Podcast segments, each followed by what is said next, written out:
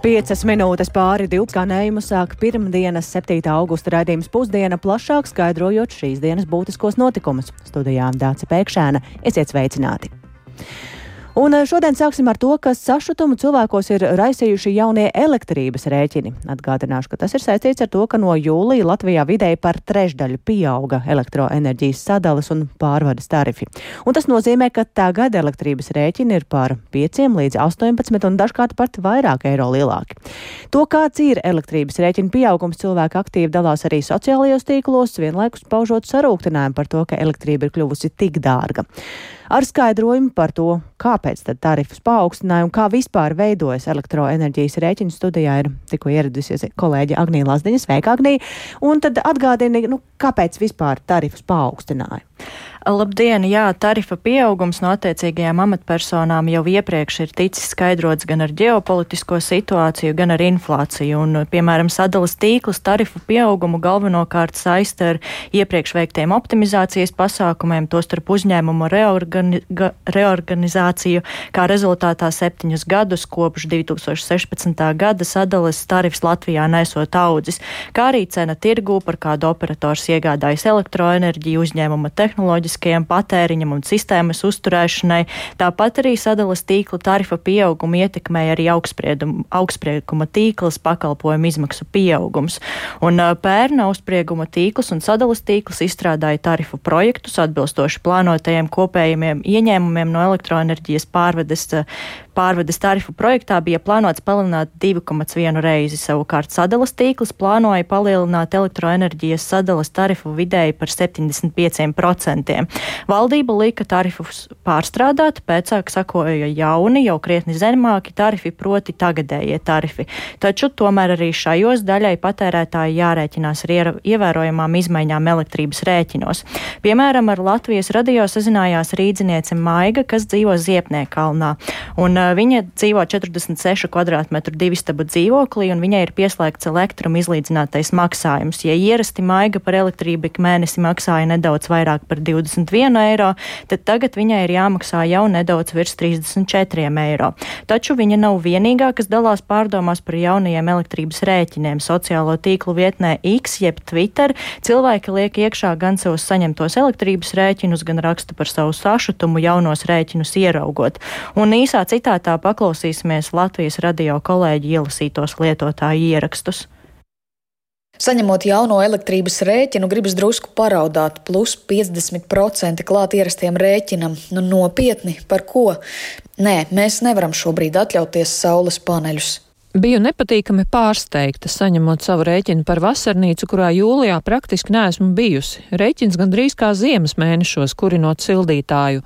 Apkalpošanas maksa dārgāka nekā pati elektrība.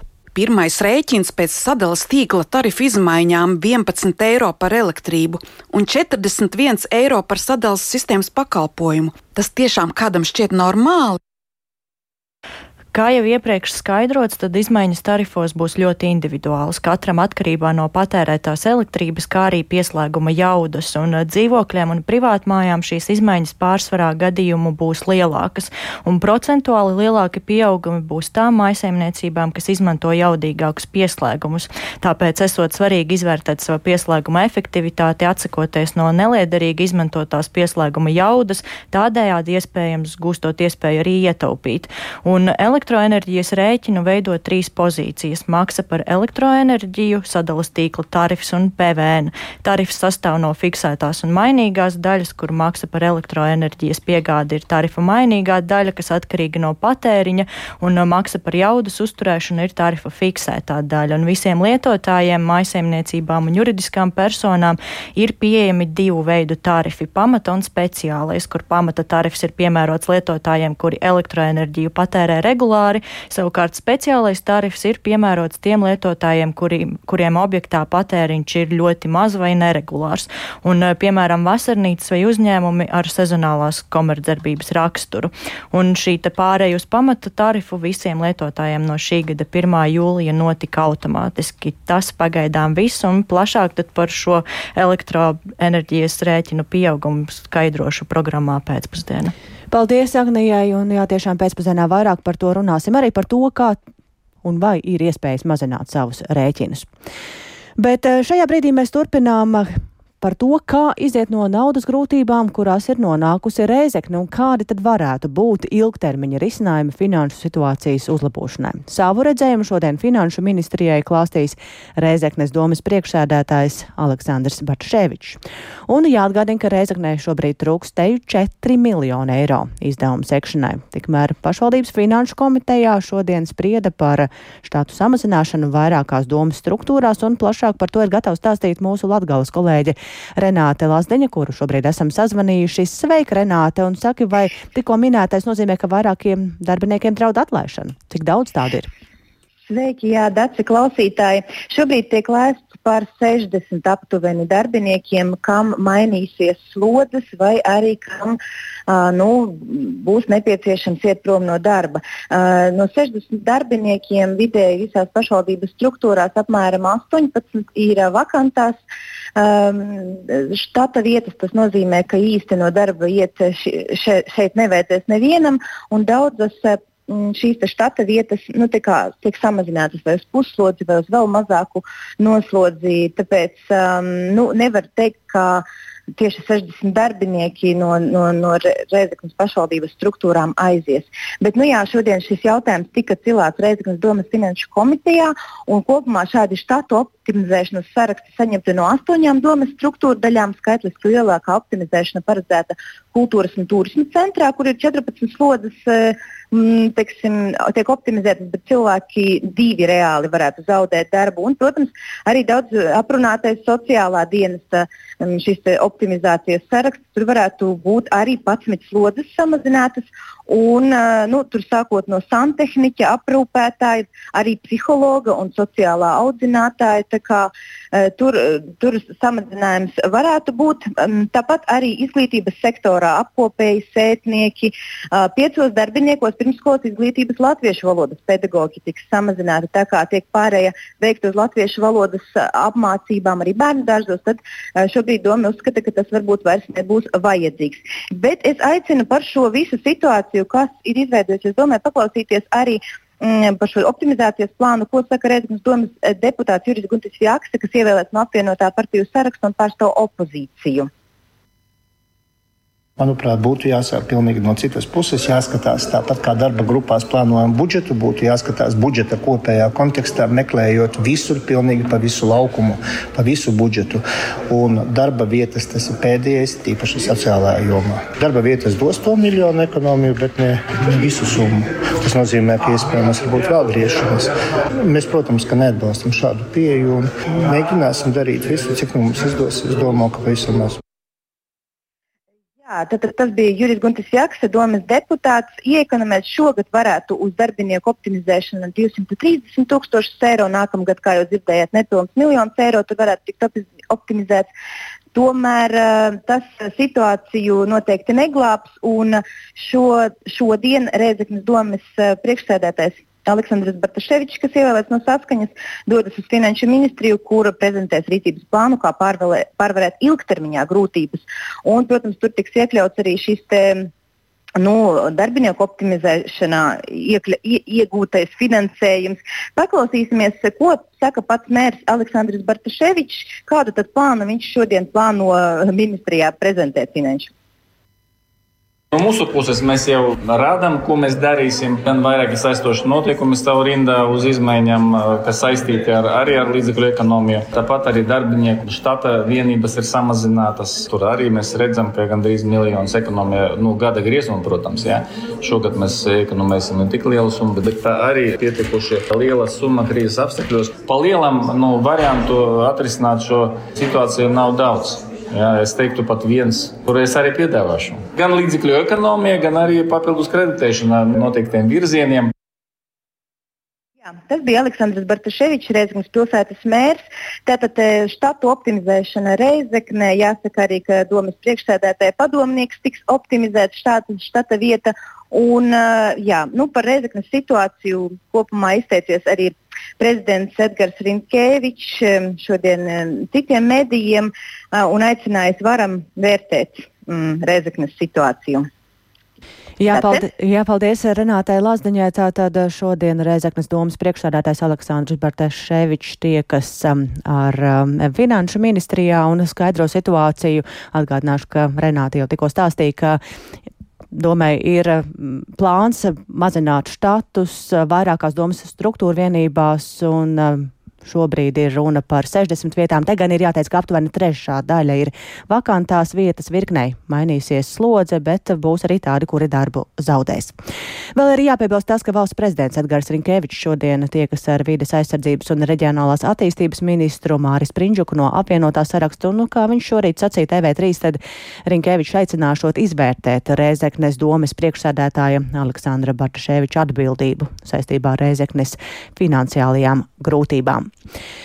Bet runājot par nodokļu izmaiņām, Finanšu ministrija neredz iespēju kādā no nozarēm samazināt pievienotās vērtības nodokļu likmi. To samazināt atkārtot ir aicinājušas vairākas nozares. Savukārt darba devēja konfederācijas ieskatā prioritāte diskusijās par nodokļu reformu šobrīd ir darba spēka nodokļu samazināšana. Plašāk par šo tematu interesējusies kolēģis Inti Ambote, un šobrīd esam ar viņu sazinājušies. Sveiks, Inti!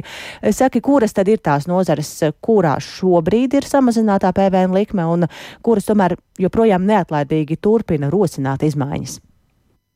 Sveika, Dārcis, sveicināti klausītāji. Nu, jā, ja runājam par pārtikas sektoru, tad pat labāk pārtikas nozarē samazināt pievienotās vērtības nodokļu likme 5% apmērā jau ir svaigiem dārziņiem un augļiem.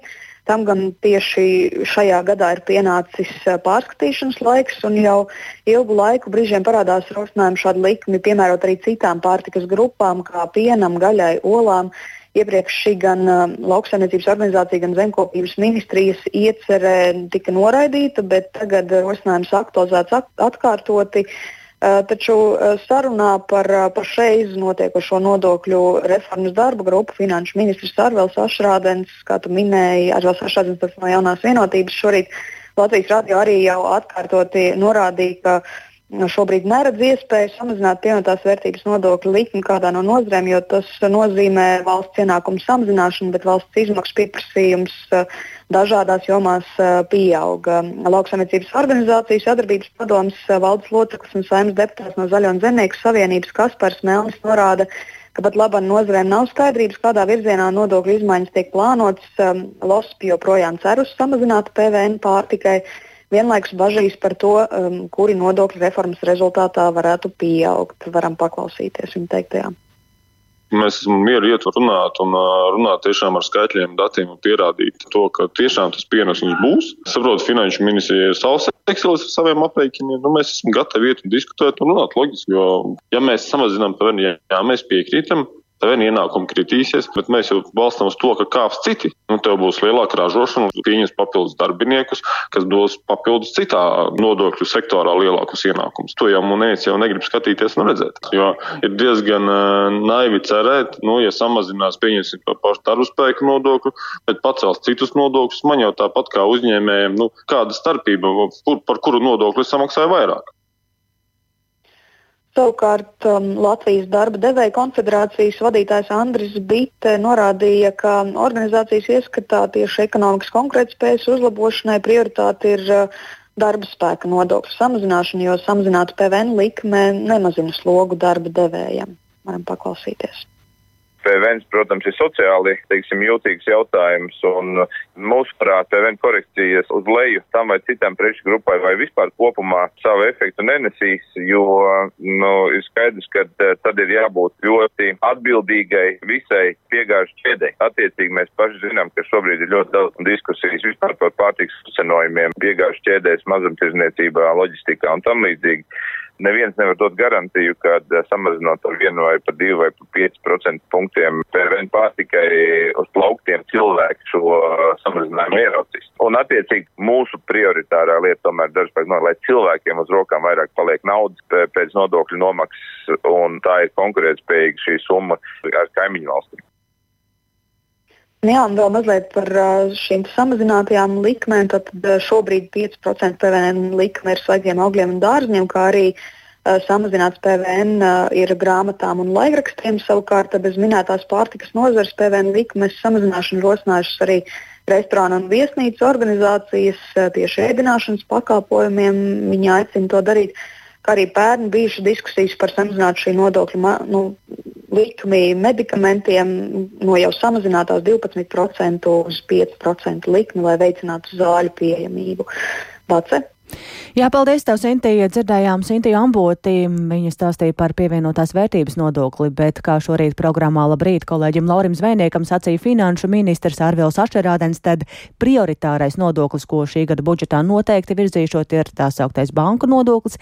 Darba grupai ir nodotas divas alternatīvas un līdz septembra vidum vajadzētu būt skaidrībai par to, kurš tad Lietuvas vai Igaunijas scenārijs mums esot piemērotāks.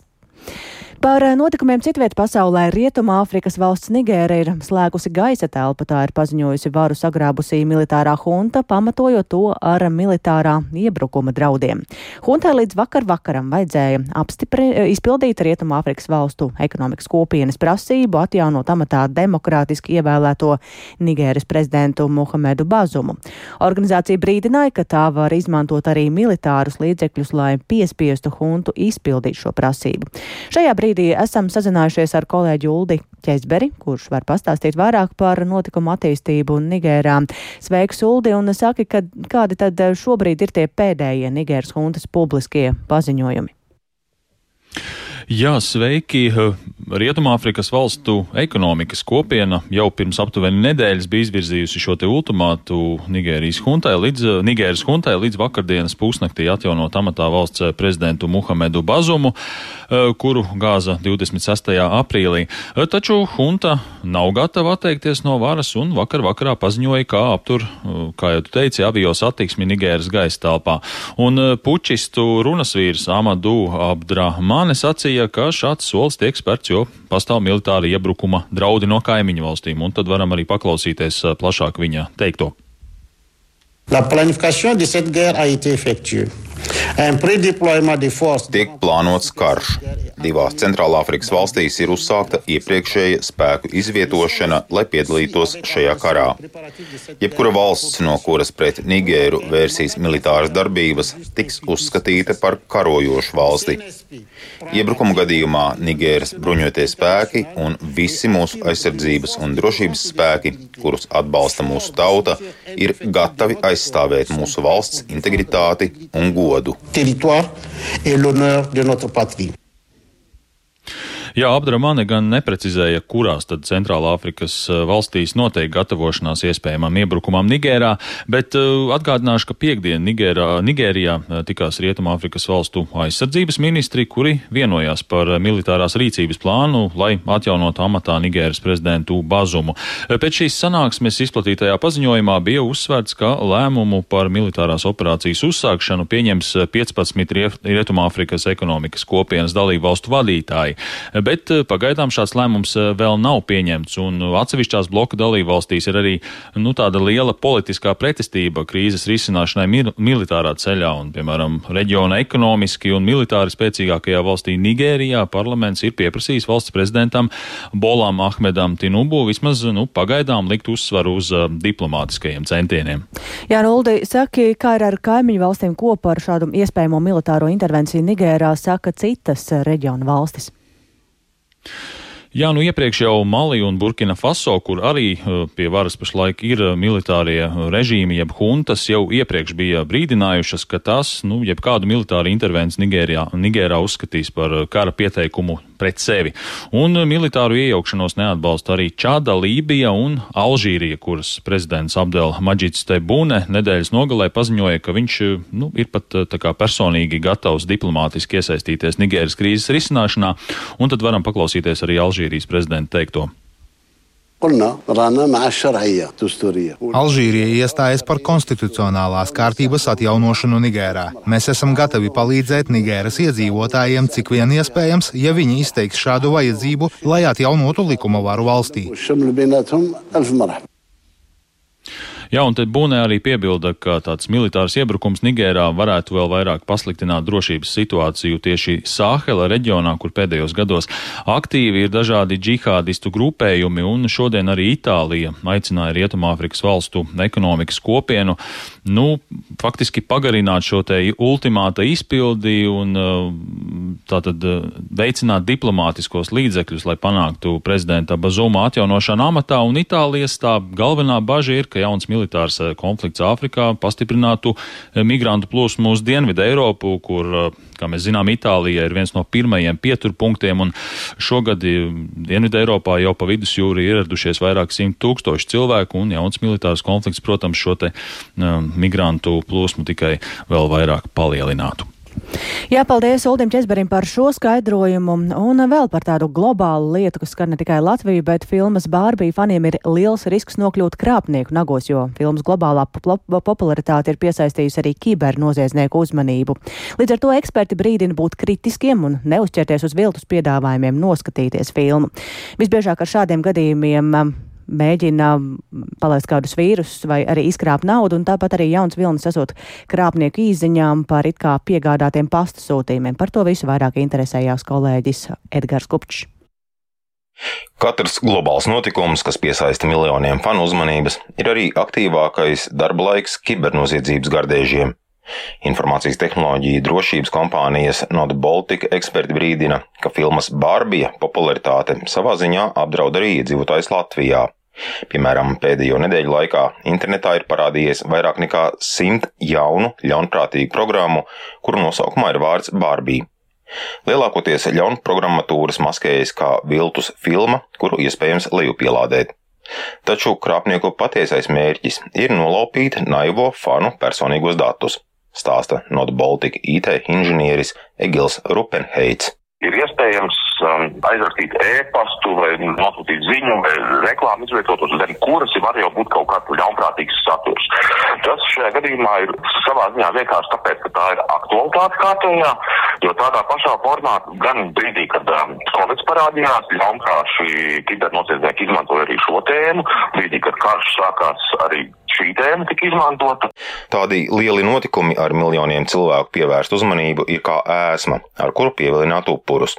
Piemēram, internetā skatoties nelegālu filmu piedāvājumu, izlec daudz reklāmu logu ar vilinošiem piedāvājumiem, kas patiesībā satur ļaunprātīgus elementus. Barbijas tematika kā krāpnieku instruments vēl nav nonākusi informācijas tehnoloģiju drošības incidentu novēršanas institūcijas CERTLV redzeslokā. Taču kompānijas drošības eksperts Kārlis Svilāns teica, ka globāli notikumi un gada laiku maiņa ir krāpnieku aktīvākais darba laiks. Black Friday, Cyber Monday. Un tas pats ir Ziemassvētkiem, kad nāk iepirkšanās laiki vai iepirkšanās svētki, tad uh, daudz vairāk cilvēku veids pasūtījumus no internetu veikaliem. Tāpēc es prognozētu, ka mēs šajos turpmākajos mēnešos arī redzētu vairāk krāpniecības tieši saistībā ar Omniva, DHL un DPD visādām piegādes kompānijām vai tas pats Latvijas pasts. Lai nebūtu jāmaksā par pašu muļķību, eksperts iesaka vai nu izvēlēties jau pārbaudītus tirgotājus, vai arī vispirms tikt pie solītā labuma, bet tikai tad maksāt. Vēl viena vientiešu atlase notiek, kad, piemēram, sociālajā tīklā piedāvā izlozēt dārgu mantu, ja ar šo ierakstu dalīsies, atzīmēs ar patīk vai kaut ko ierakstīs komentārā. Nu, tas ir principā kā atlase. Tad tie krāpnieki zina, ka šos cilvēkus viņi var targetēt un ka viņi varētu būt potenciāli upuri tālākai krāpniecības schēmai. Arvien aktuālas krāpniecības tēmas ir ziņu izsūtīšana valsts ieņēmuma dienesta vārdā, aicinot internetbankā apstiprināt naudas saņemšanu, kas patiesībā ir savu maksājumu datu nodošana ļaunprāšiem. Nākamo vilni uzņem īziņas par it kā saņemamiem sūtījumiem un datu precizēšanu pirms piegādes. Tāpat netrūkst cilvēku, kas vienkārši nodod maksājumu karšu datus svešiniekiem. Lai saņemtu kaut kādu maksājumu, arī, piemēram, nekad nebūs jāievada tur CVV drošības kaut tur ir tikai nepieciešams bankas konts. No pašu naivuma var izsargāties ar zināšanu ieguvi. Savukārt, savu ierīču drošumam eksperti mudina regulāri lejupielādēt sistēmu atjauninājumus, tāpat jālieto pretvīrusu programmatūras. Saskaņā ar aptauju datiem katrs desmitais Latvijas iedzīvotājs savās ierīcēs nav instalējis kādu pretvīrusu programmu. Edgars Kupčs, Latvijas radio. Un ar šo stāstu arī izskan raidījums pusdiena. To producēja Ilze Agīnta, ierakstus montēja Uldis Grīnbergs, par labskaņu rūpējās Toms Šupeiko, bet ar jums sarunājās Dāci Pēkšēna. Atgādināšu vien to, ka raidījums pusdiena klausāms arī sev ērtā laikā Latvijas radio mobilajā lietotnē, meklējot dienas ziņas, un tāpat arī Latvijas radio ziņām var sekot līdzi sabiedrisko mediju ziņu portālā LSMLV. Mēs tiekamies nedaudz vēlāk raidījumā pēcpusdienā.